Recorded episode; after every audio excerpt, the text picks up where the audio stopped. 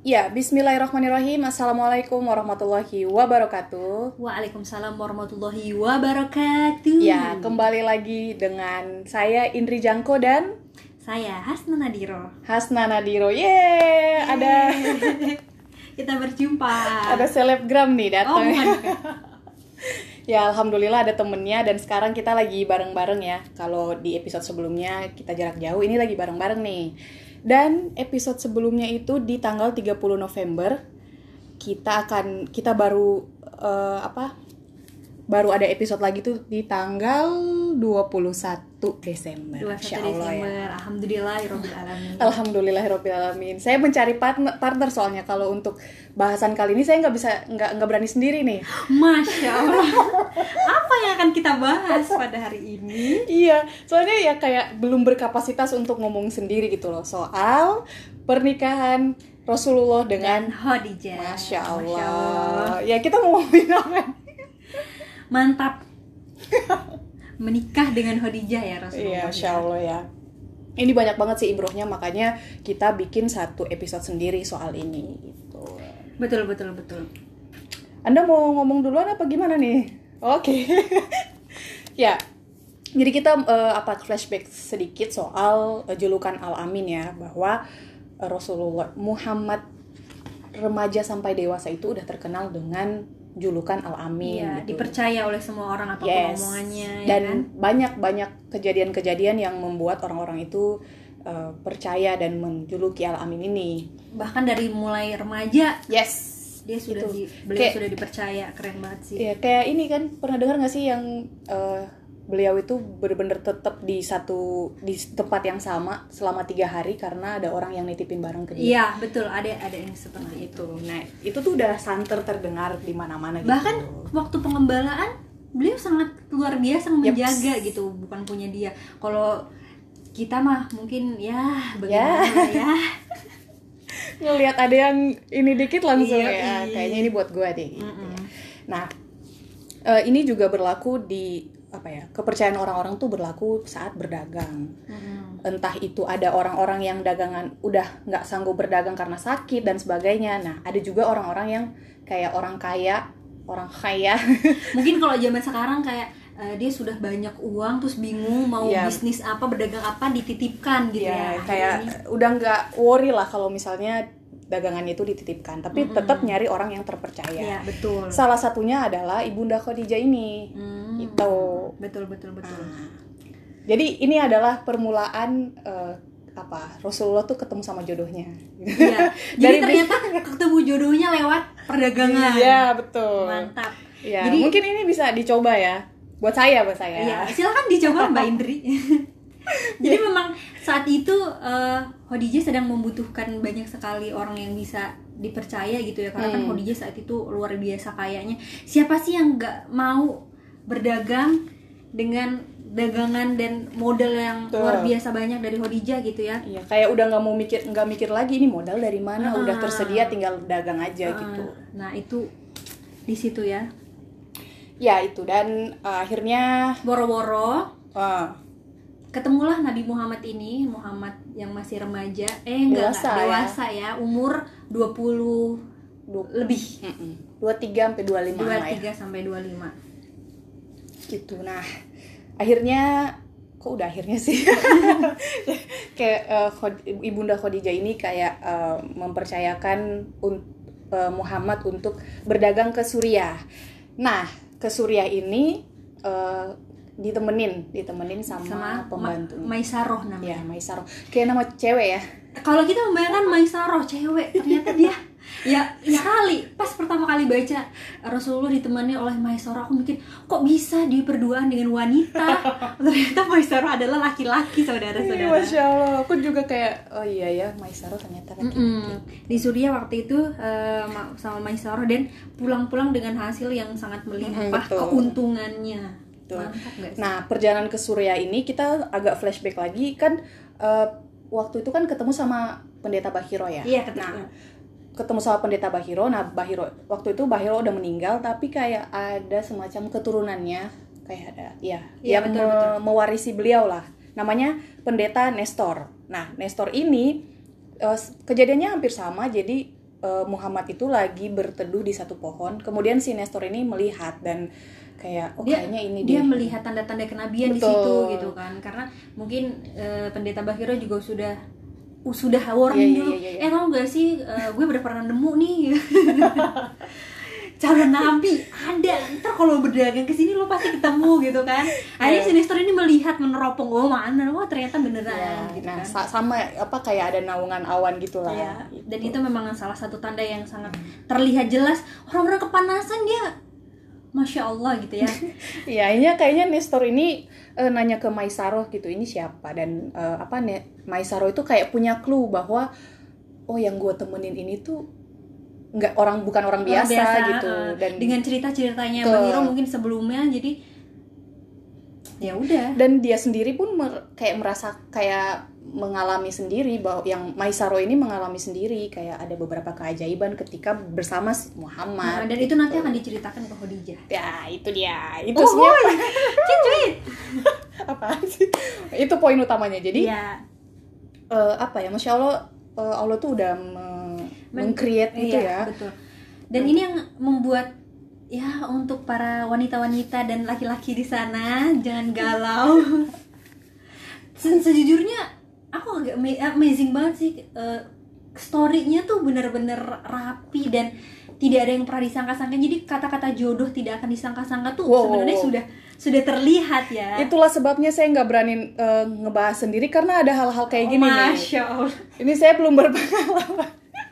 Oke, jadi memang ya di situ ya Iya, gitu permulaannya ya. ya. Jadi kayak ya maksudnya eh, Khadijah itu nggak perlu langsung nanya ke Muhammad gitu tapi beliau itu punya informasi yang banyak untuk meyakinkan diri oh iya ini Muhammad adalah eh, pendamping terbaik padahal kan awalnya kayak Khadijah taunya ya udah aku tuh butuh orang yang buat berdagang yang Mm-mm. dipercaya. Terus dengan cerita segala macam yang namanya sudah jodoh akhirnya eh, tertarik kemudian ada informan yang sudah dipersiapkan sedemikian rupa gitu ya. Ini sebenarnya kalau kita ambil ibro iya iya.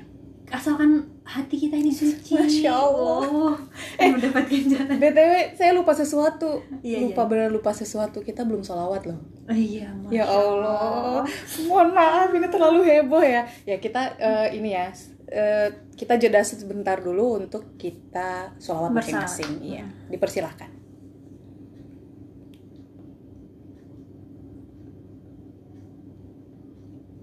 Allahumma sholli ala Muhammad wa ala Muhammad. Ya, dan eh, agak lupa juga nih lupa mulu deh. Agak lupa juga. eh jadi Khadijah itu kan udah pernah menikah dua kali Iya, mm, betul dua pernah kali. menikah dua kali dan eh, dua-duanya meninggal nih suaminya gitu. Mm-mm. dan bukan cerai ya iya meninggal. cerai cerai kalau sekarang bahasa sekarang tuh cerai mati Iya, cerai mati. Bukan maksudnya itu bukan cerai tidak karena- konflik karena Ah, konflik terus divorce itu enggak Iya, betul. nah jadi eh, dan itu kan di usia sekitar 40 tahun beliau udah janda udah dua kali ditinggal suaminya tapi masih ini nih masih glowing masih apa ya?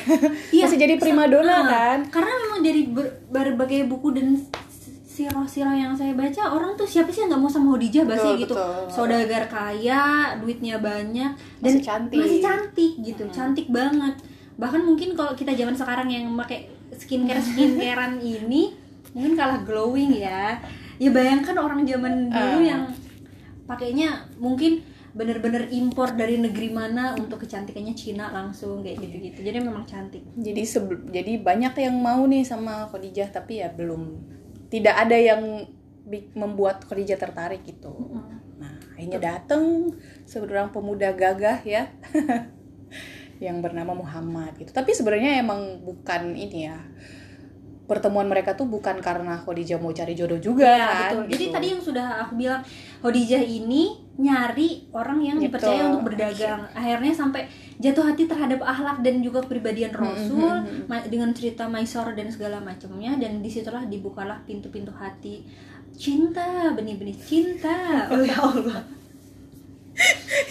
Jadi iya kita lanjut lagi. Maisaro itu ngasih tahu ya tadi ngasih tahu semua informasi yang dia dapat selama perjalanan gitu. Dan emang ini ya eh, kita kalau misalnya berjalan atau misalnya nginep bareng sama orang kan kita tahu nih. Iya. Semua semuanya tuh Dan memang kan kelihatan di situ. kalau ingin tahu kepribadian dan kebiasaan orang kan harus nginep bersama atau berjalan ya. eh, perjalanan. iya perjalanan. Trip. Jadi itu Mas Toro sudah mengungkapkan semuanya kepada Khadijah kan Khadijah ini eh, jadi Nabi Muhammad tuh sepanjang jalan. Jadi awan-awannya yang menutupi terus keberkahan-keberkahan yang Allah berikan kepada Nabi Muhammad ini sudah ditampakkan dan Maisarah menyadari betul itu ini luar biasa orang ini gitu kan akhirnya Khadijah jatuh hati Iya, pas pulang, jadi pas Muhammad sama Maisaro itu pulang, ngelaporin nih ke Iya. Khadijah. Terus habis itu kayak ngasih tahu ini keuntungannya dua kali lipat bla bla bla bla gitu. Tapi itu ternyata bu- bukan itu yang jadi attentionnya Khadijah. Iya. Tapi orang siapa nih yang lagi ngomong gitu. iya betul Kayak wow. Orang Karena- ini. Karena yang diceritakan Maisarah juga sebenarnya kan ahlak-ahlaknya Hmm. Nabi gitu kan kenapa dia bisa untung dengan cara yang Hmm. berkah gitu kan bahasanya jadi itu yang menjadi attentionnya Khadijah Dan memang eh, Muhammad itu kan ini ya. Ya perawakannya inilah good looking dan benar-benar sempurna gitu. iya ya ampun ganteng nggak bisa ngebayangin ya maksudnya kayak dari penggambaran-penggambaran di Siroh itu tuh kayak wah dengan memang pemuda gagah matanya gitu. yang pokoknya semuanya proporsional iya, betul, gitu betul, kan betul. nggak tinggi nggak pendek ya siapa sih yang nggak jatuh hati tidak ikal gitu. tapi tidak lurus juga rambutnya gitu. badannya juga tegak Hmm, tidak tinggi betul. tidak pendek ba bayangin aja nggak bisa gitu Iya, ya betul, betul, betul. Gitu. Nah, kita sambil nyontek, guys. ya, jadi karena terpesona ini akhirnya eh, ya ini ya. eh, ini adalah salah satu yang jadi referensi buat eh, perempuan-perempuan yang pengen mengutarakan ya. iya Yang nggak sah-sah aja kalau misalnya. nggak dosa kalau Ya, suka duluan nggak dosa juga kalau ingin minta dinikahkan dengan Ya, seseorang tapi Ini- dengan cara yang baik ya. nah tapi Maksudnya- dengan cara yang baik itu Masya Allah emang ibrohnya tuh banyak sekali gitu. Allah me- meng-create semua cerita ini tuh biar kita bisa ny- eh, nyontoin juga. Dan ini eh, jadi Khadijah itu tidak langsung ngomong ke Muhammad, tapi pakai perantara, Perantara, mak comblang perantara. gitu lah Iya, ya. pakai- tapi macomblangnya yang sekali lagi macomblangnya juga orang yang sangat terpercaya dan Betul. bukan yang bigos gitu ya apa sih eh tau gak sih Khadijah suka sama Muhammad loh ya bukan yang kayak gitu Iya, yang ya kan secara wanita terhormat gitu loh. Jadi ya dia Ca- juga caranya elegan sangat Betul. elegan dia juga nggak mungkin nyari perantara yang ecek-ecek gitu ya. Namanya adalah Nafisa. Nufaisa Nafisa Ada yang bilang Nufaisa, ada, ada yang bilang Nafisa. Nafisa memang Ya. ada beberapa mungkin itu eh, perbedaan harokat ya Iya. kita harus belajar bahasa Arab lagi tapi memang yang terkenal namanya Nafisa Iya. Dan ini sih kayak ya itu itu cuman perbedaan yang tidak tidak substantif. signifikan ya betul Jadi ya udahlah kalau misalnya ada perbedaan-perbedaan kayak gitu nggak usah kita pikirin lah ya. Nah ini namanya Nafisa. Mm-mm. Hmm, mak ya mak comblang gitulah. Jadi kayak dia nanya, akhirnya dia nanya ke Muhammad gitu. Mm-mm. gini nanyanya Hmm, gimana? Muhammad mengapa engkau tidak menikah gitu beneran Iya iya iya. terus Muhammad kan umurnya masih 25 tahun ya Iya. ya seperti saya today Oke, siap. Oh iya. maksudnya kayak laki-laki Hmm. dia pulang berdagang sedang masa keemasan gitu kan terus ditanya tidak tidak akan menyangka ditanya seperti itu gitu kan. Dia pasti eh, beliau kaget kenapa nih Nafisa nanya begini? gitu kan. Terus mu- apa Muhammad itu cuman diem aja sih saat itu. Jadi cuman nggak jawab kenapa emang? gitu. Apa sih lo? Kepo Ngapain lo kepo-kepoin gua? nggak kayak gitu kan. Jadi cuman diem aja. Eh, terus si Nafisa bilang kalau ada nih perempuan luar biasa yang agung, jujur, Hmm, pokoknya disebutkan eh, kelebihan-kelebihannya eh, menerimamu apa penda eh, menerima apa pun keadaan kamu, terus mau sama kamu gitu. Kamu mau nggak gitu kan bahasanya. Ih, ngerinya. Tapi tapi Nabi Muhammad saat itu langsung eh, Enggak ya. ngeh gitu, enggak enggak ngeh sih. Kayak Kayak langsung oh iya Iya. kayaknya gitu ya. siapa dia gitu kan nanya terus habis itu Nafisa bilang Khadijah wanita paling istimewa di negeri Mekah ini gitu ya terus itu pesannya kayak gitu kan terus habis itu Nabi Muhammad saat itu merasa hah yang bener aja gitu Iya. kan Oh, soalnya oh, gitu. dalam saat itu em, mungkin Khadijah adalah salah satu primadona karena kan dari nasabnya yang sangat luar biasa. Kalau kalau kita baca Khadijah itu nasabnya ma- termasuk nasab yang eh, terpandang di sana saat itu dan Masih saudara jauhnya Rasulullah masih masih saudara jauh dan memang kan Nabi Muhammad pun dari Iya. dari nasab yang Heeh, bagus. dari kabilah yang ini Terhormat. kan yang terhormat.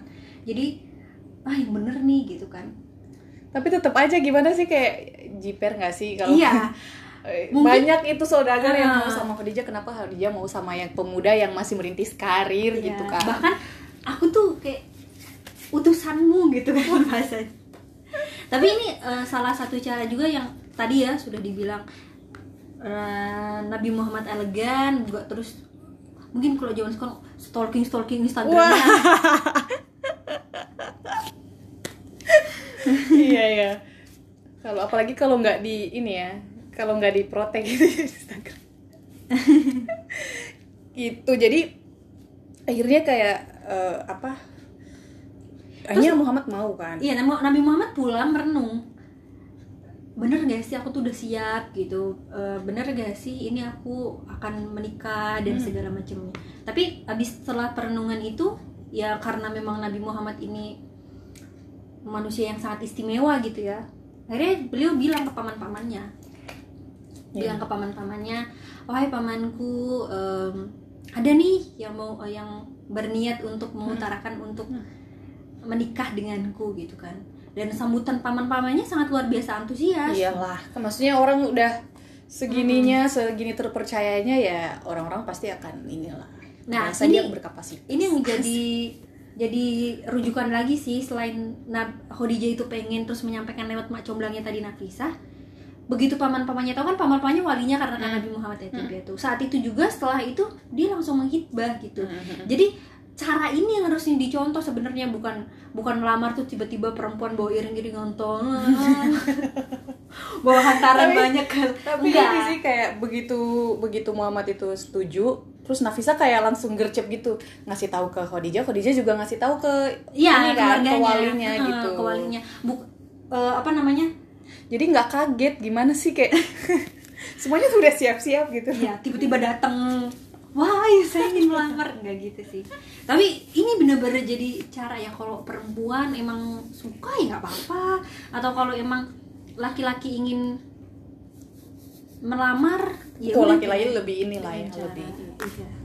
Cuman ya ini juga jadi salah satu ini ya kalau aku cari mikir hal lainnya adalah padahal Nabi Muhammad saat itu yatim piatu dan eh, beliau sudah cukup dewasa untuk menentukan tapi masih hormat terhadap walinya minta ma- pertimbangannya minta pertimbangan minta izin bukan terus semena-mena dan Betul. ya pokoknya Ya. caranya tuh elegan lah gitu Betul, betul. Ya, jadi walaupun para laki-laki di luar sana, misalnya mereka bebas untuk ini ya, maksudnya nggak perlu wali kan ya, tapi ya itu ada adabnya gitu. Iya betul ada adabnya kalau anda mau menikah gitu ya, ada adabnya. betul betul betul Nggak usah yang kawin lari.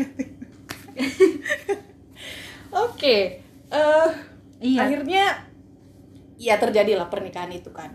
iya jadi Nah, yang pas habis udah eh, ini lamaran hitbah ditentukanlah hari langsung jadi pas jadi ceritanya itu habis datang ke sana untuk saya ingin melamar eh, Khadijah untuk kemenakan saya Hmm. gitu kan itu langsung ditentukan tanggal kapan hari pernikahan ya, lebih simpel sih daripada yang sekarang kan. Iya. Dan eh, ini perlu diketahui juga ya. Jadi Nabi Muhammad itu datang eh, ke sana terus tidak woro-woro, "Eh, aku udah hitbah nih." Kan kalau zaman sekarang kan Iya. orang bangga dengan aku sudah hitbah gitu ya. Hmm, padahal, Padahal belum akad. Nah, ini juga yang eh, jadi pertimbangan kalau kita mau mencontoh pernikahan ala Rasulullah Hmm. ya gitu. Hitbah itu diam-diam, akad itu baru di, di, diumumkan diumumkan Walim, untuk di- diadakan walimah supaya Uh, tidak ada berita-berita yang berita-berita miring dan banyak yang mendoakan. Betul. Tapi saat hitbah itu, prosesnya masih harus ah, dirahasiakan jadi saat ya. itu waktu hitbah itu yang datang cuman keluarga ya paman-pamannya datang secara baik-baik dan menentukan hari. Nah nanti yang pesta Hmm. heboh-heboh bawa iring-iringan itu pas pernikahan. Sip. ya kita masuk ke pernikahan jadi eh, ada yang fenomenal juga nih di siroh juga banyak dibahas tentang mahar dari Rasulullah. Oh, Masya iya. Allah. Berapa maharnya Mbak Indri? Di apa di Instagramnya? Apakah, apakah sendal jepit? Atau sesederhana Atau mungkin? cincin besi? Atau cincin besi? Atau baju besi? Ya, jadi eh, di ngobrolin Rasul di Instagramnya juga udah kita pernah bahas ya Iya, di story-nya itu ada 20 ekor unta. Iya, 20 ekor unta. Iya, sebenarnya banyak sumbernya tapi kita milih yang ada di buku yang kita punya. Itu ada 20 Ada ekor beberapa unta. kata memang yang 20 ada yang bilang berbeda, cuman yang paling sering muncul 20. dan kita nggak nggak penting lah ya maksudnya untuk angka-angka yang info-info kayak gitu ya. Yang Itu- penting itu nggak ibrohnya penting. lah ya. Yang penting ibrohnya. Gitu. Tapi kita ngambil uh, angka 20 ekor unta dan kita bisa ngebayangin kayak yang saya tahu ya uh, Saya- unta tuh mahal banget gitu. Iya, unta saat itu kan itu kan tunggangan dan nggak mungkin Iya. unta yang dikasih itu unta unta unta tua. Jadi tung, Atau unta yang masih kecil. unta itu kan tunggangan yang unta dan kuda itu kan Betul. kalau zaman sekarang mungkin kayak Range. Rover ya kan Iya, betul, Mercedes tapi yang eh, tadi Mbak Indri bilang satu unta mirip dengan satu Alphard satu Alphard. kalau 20 unta 20 Alphard bayangkan dua, satu satu Alphard itu satu miliar 20 miliar maharnya Nabi Iya, ini sebenarnya kita oh, bukan titik titik tekannya itu bukan di angkanya, Iya, bukan. tapi di bagaimana eh, Rasulullah itu meng- sangat menghargai dan sangat apa ya, menghormati calon istrinya itu dengan memberikan mahar sebanyak itu gitu. Gitu. Tapi eh, Khadijah juga nggak butuh-butuh banget gitu Iya, sebenarnya, ya dia udah mungkin punya- saat itu juga eh, jadi baik punya yang lebih banyak gitu. Eh, tapi eh, itu yang kita soroti adalah Penghargaan. ternyata penghargaannya sangat luar biasa. Dan yang paling eh, kita soroti juga adalah semampunya. Masya Allah. semampunya Nabi Muhammad 20 mungkin kalau saat itu mampunya 50 akan diberikan 50 gitu. Tapi memang ya semampunya itu bukan ala kadarnya ya semampunya bukan ala Diusahakan kadarnya gitu. diusahakan dan eh, semampunya itu bukan yang eh, sampai akhirnya dia jatuh miskin setelah menikah gitu Betul. Bukan. tapi memang ya ini pas baca bagian ini tuh kayak masya allah bener-bener diusahakan ya Betul, gitu betul, kan betul. Nah, eh hal lain yang di highlight juga dari pernikahan itu adalah mm, Muham- Muhammad itu memerdekakan seorang budak. gitu. Oh, Ya, iya. saking happy-nya ya, maksudnya sebagai tanda syukur, jadi beliau memerdekakan budak.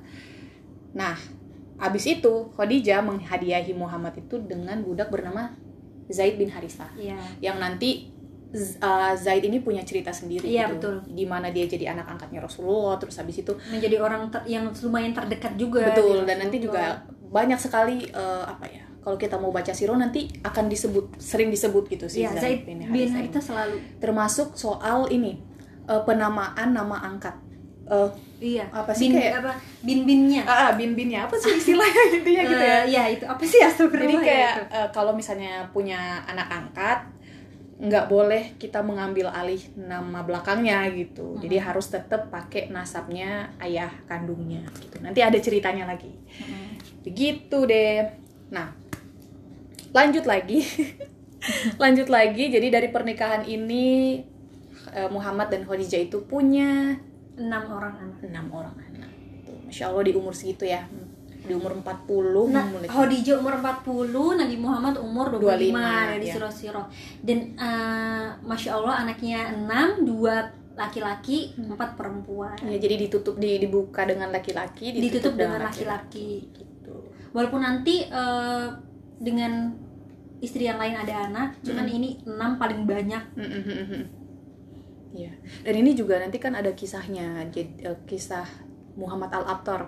Oh, Al Abtar iya. itu ya. Nanti lah kita lagi nanti. Seru Pelan-pelan, banget sih. pelan-pelan. Seru banget sih ya kalau ngomongin soal sirah tuh. Iya, selalu ada, selalu ada Betul. nyambung-nyambungnya memang. Mm-mm. Nah, namanya siapa aja? Namanya yang pertama yaitu Al Qasim. Hmm. Jadi Nabi Muhammad punya eh, Julukan. juluk dijuluki dengan namanya Abu Al Qasim. Mm-mm. Kemudian eh, selanjutnya ada Zainab, Ruqayyah, Ummu Kulsum. Fatimah, baru yang terakhir ditutup sama laki-laki. Yeay, apa?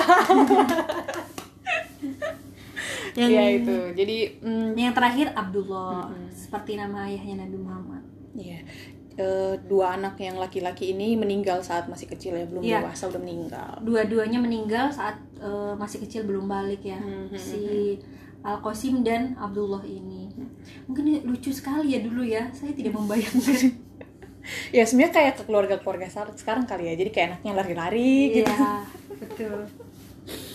Gitu. Dan eh, orang tuanya berdagang dua-duanya ya Hmm, kayak orang bisnis tuanya bis- bisnis bisnis banyak anak. gitu nah eh ini ya apa sih ibrohnya dari dari menceritakan siroh soal pernikahan ini? Nah jadi mau cerita sedikit sih. Jadi di kantor di kantor saya itu banyak yang kayak eh, pernah ada tuh kayak soal poligami poligami gitu. Ah ya poligami. Terus- kenapa itu poligami? ya intinya kayak ya menyalahkan Rasulullah itu kayak istrinya banyak iya gitu istrinya ya. banyak dan gitu. bahkan kan sekarang karikatur Nabi Muhammad yang kayak Iya, parah banget banyak sih. itu kan banyak ya parah banget sih maksudnya kalau misalnya kita nggak membaca siroh dengan baik gitu tidak mencoba untuk belajar dari siroh ya akan salah paham Iya. gitu dan kebanyakan kan memang eh, orang cuma taunya Nabi Muhammad istrinya banyak tapi Betul. dia tidak tahu urutan tahunnya kemudian Hmm. pernikahannya seperti apa dan umurnya berapa macam, umurnya gitu ya berapa. Betul. dan bahkan motivasinya saya sangat menyaksikan loh dia yang orang bilang Nabi Muhammad itu tukang poligami apakah dia tahu eh, Sauda itu di mana Hmm. Maria itu di mana nemunya Sofia yang cantik itu di mana nemunya Mm-mm. nemunya Astagfirullah maksudnya bertemunya Astagfirullah terus nemu di kayak karena betul ya betul bener. terus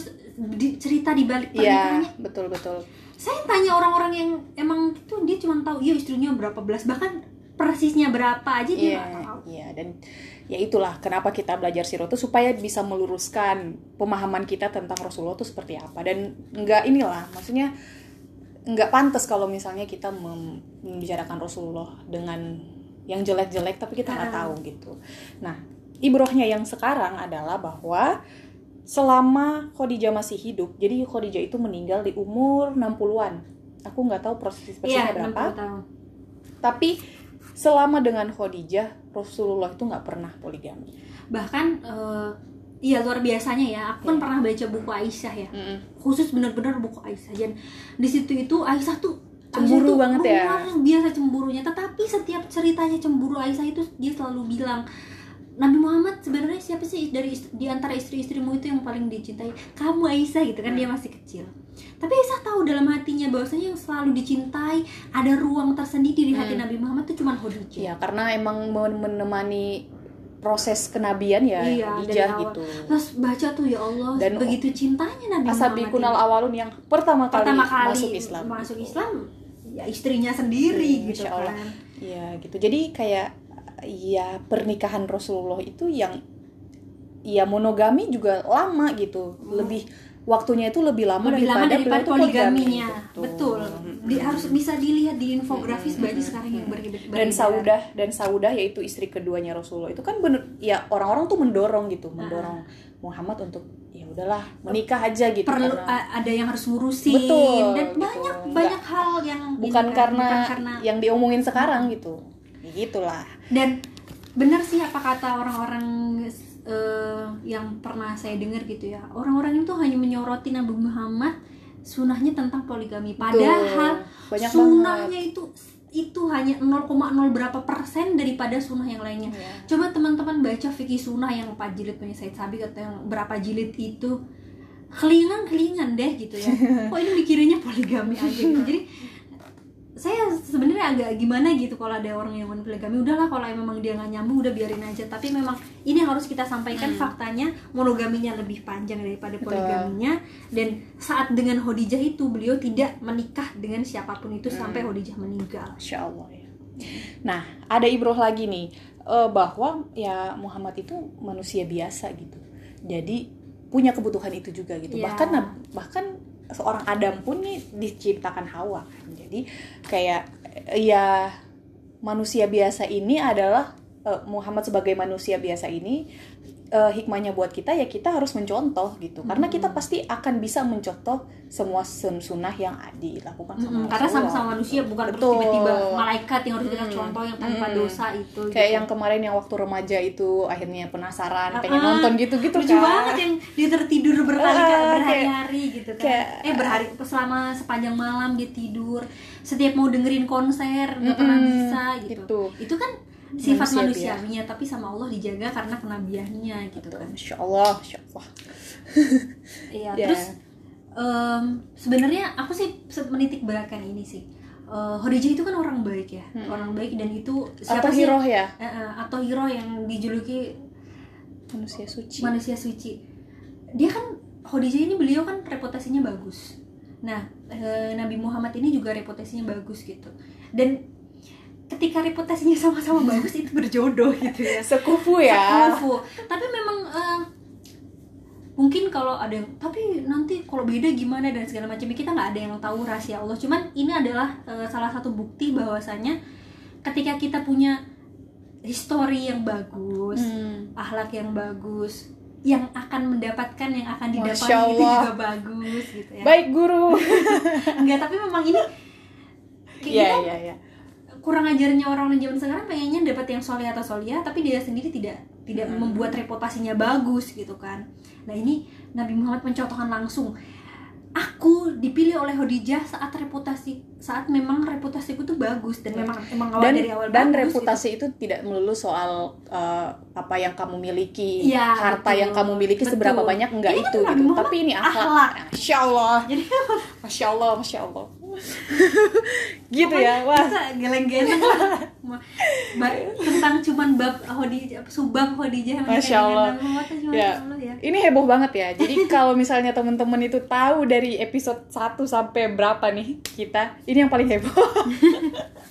ya, eh, mungkin itu ya apa yang yang bisa kita pelajarin dari ini. Ada yang mau nambahin? Eh, ada yang mau nambahin? Mau nambahin nggak?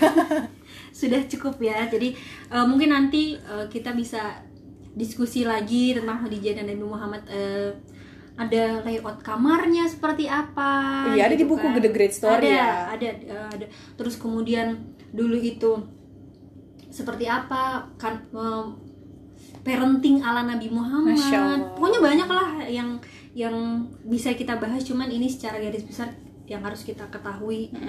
Gitu ya cuman eh, sebelum menutup gitu ya saya akan membacakan sebuah hadis yang ini menjadi hikmah. Um, terutama eh baca hadis loh. oh iya Nggak boleh bercanda. terutama untuk eh, mbak di depan sana enggak enggak ini untuk semua yang mendengarkan semua. gitu ya Eh, Bismillahirrahmanirrahim. Bagi mereka Saya yang- kabur dulu ya. bagi mereka yang sudah cukup untuk umur segera menikah. Sabda Rasulullah Shallallahu Alaihi Wasallam wahai para pemuda siapa yang mampu memberi nafkah hendaknya menikah karena menikah itu lebih memelihara pandangan dan menjaga kemaluan. Namun bagi siapa yang belum mampu hendaklah dia berpuasa karena puasa itu adalah sebuah tameng dari segala hawa nafsu. Hadis riwayat Bukhari. Terima kasih banyak. jadi dari hikmahnya pernikahan ini memang ada di siro-siro ini ya hadisnya. Silahkan nanti dibaca. Saya hanya mau baca. Iya iya iya iya iya. Eh, ini nih, eh, kayaknya di tamu-tamu yang sebelumnya, oh ya Hasna ini sebenarnya adalah eh, apa tim ngobrolin Rasul juga. Jadi nanti dia bakalan sering-sering aja di sini gitu. kalau tidak suka sama saya tolong disuka-sukai Tetap didengerin ya Iya, ngobrolin dan sebenarnya uh, kita tim ngobrolin Rasul itu sangat senang kalau ada yang dengerin dan ada yang memberikan masukan Hmm. gitu ya entah bisa lewat Mbak Indri, lewat saya atau lewat Instagram ngobrolin Rasul mungkin kalau ada yang kok ngobrolin Rasul belum muncul lagi? Nah ini yang kita senang wow kita ditunggu-tunggu. Wow wow wow. Iya deh, masya Allah aku senang banget waktu itu ada yang kayak gitu. Ya, eh, mau nanya aja sih sebelum kita menutup ini ya episode ini. Kesan pesannya gabung di tim, tim ngobrolin Rasul dan kesan pesannya baca siroh secara umum.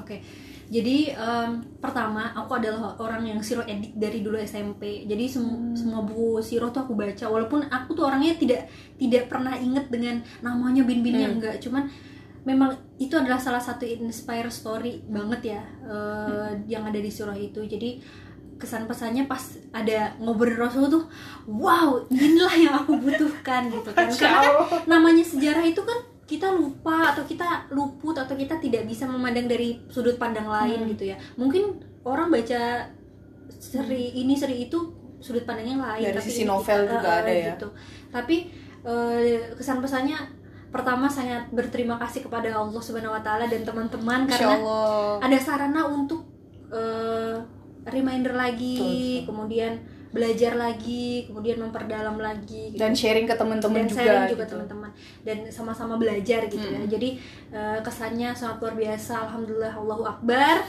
Pesannya semoga kita tetap istiqomah sampai nanti selesai siroh apa hulafaur rasidin sekalian Betul. sampai Usman Usman ya. Ottoman sampai akhir gitu ya karena memang tidak akan pernah selesai eh, membahas ini aja udah berapa puluh menit untuk membahas satu sumber gitu jadi Insya buat teman-teman silahkan berikan masukan silahkan yang mau join boleh boleh banget Iya, Yang kita mau ngisi rekaman podcast tuh. boleh banget pokoknya semuanya boleh gitu Betul. Karena di sini emang benar-benar sarana buat kita belajar. dan satu lagi kalau ada sesuatu yang salah atau luput di podcast Nah, nah, nah. atau di tim ngobrolin Rasul eh, boleh disampaikan Diluruskan, iya. diluruskan Makin, ya itu tadi karena kita sama-sama sama-sama pokoknya sama-sama sharing lah Oke.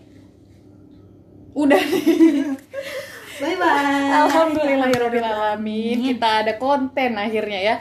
Ya, eh, setelah ini mungkin kita akan di episode selanjutnya akan lanjut ke em, kenabian ya. iya mulai Jadi kenabian Ya, masya Allah. Di sini juga Khadijah juga ber- sangat berperan besar. sangat Nanti kita cerita lagi. Gitu. jadi saya bilang, ya Orang seorang seorang wanita. kapan aku bisa menjadi istri yang sebegitunya gitu mungkin kalau saya nih jadi istri saat itu begitu apaan sih yang terjadi sama suamiku jangan-jangan kena guna-guna Iya ya. Se- tapi itu luar biasa Iya, insya Allah. Baik, terima kasih banyak sudah mendengarkan sampai akhir ya.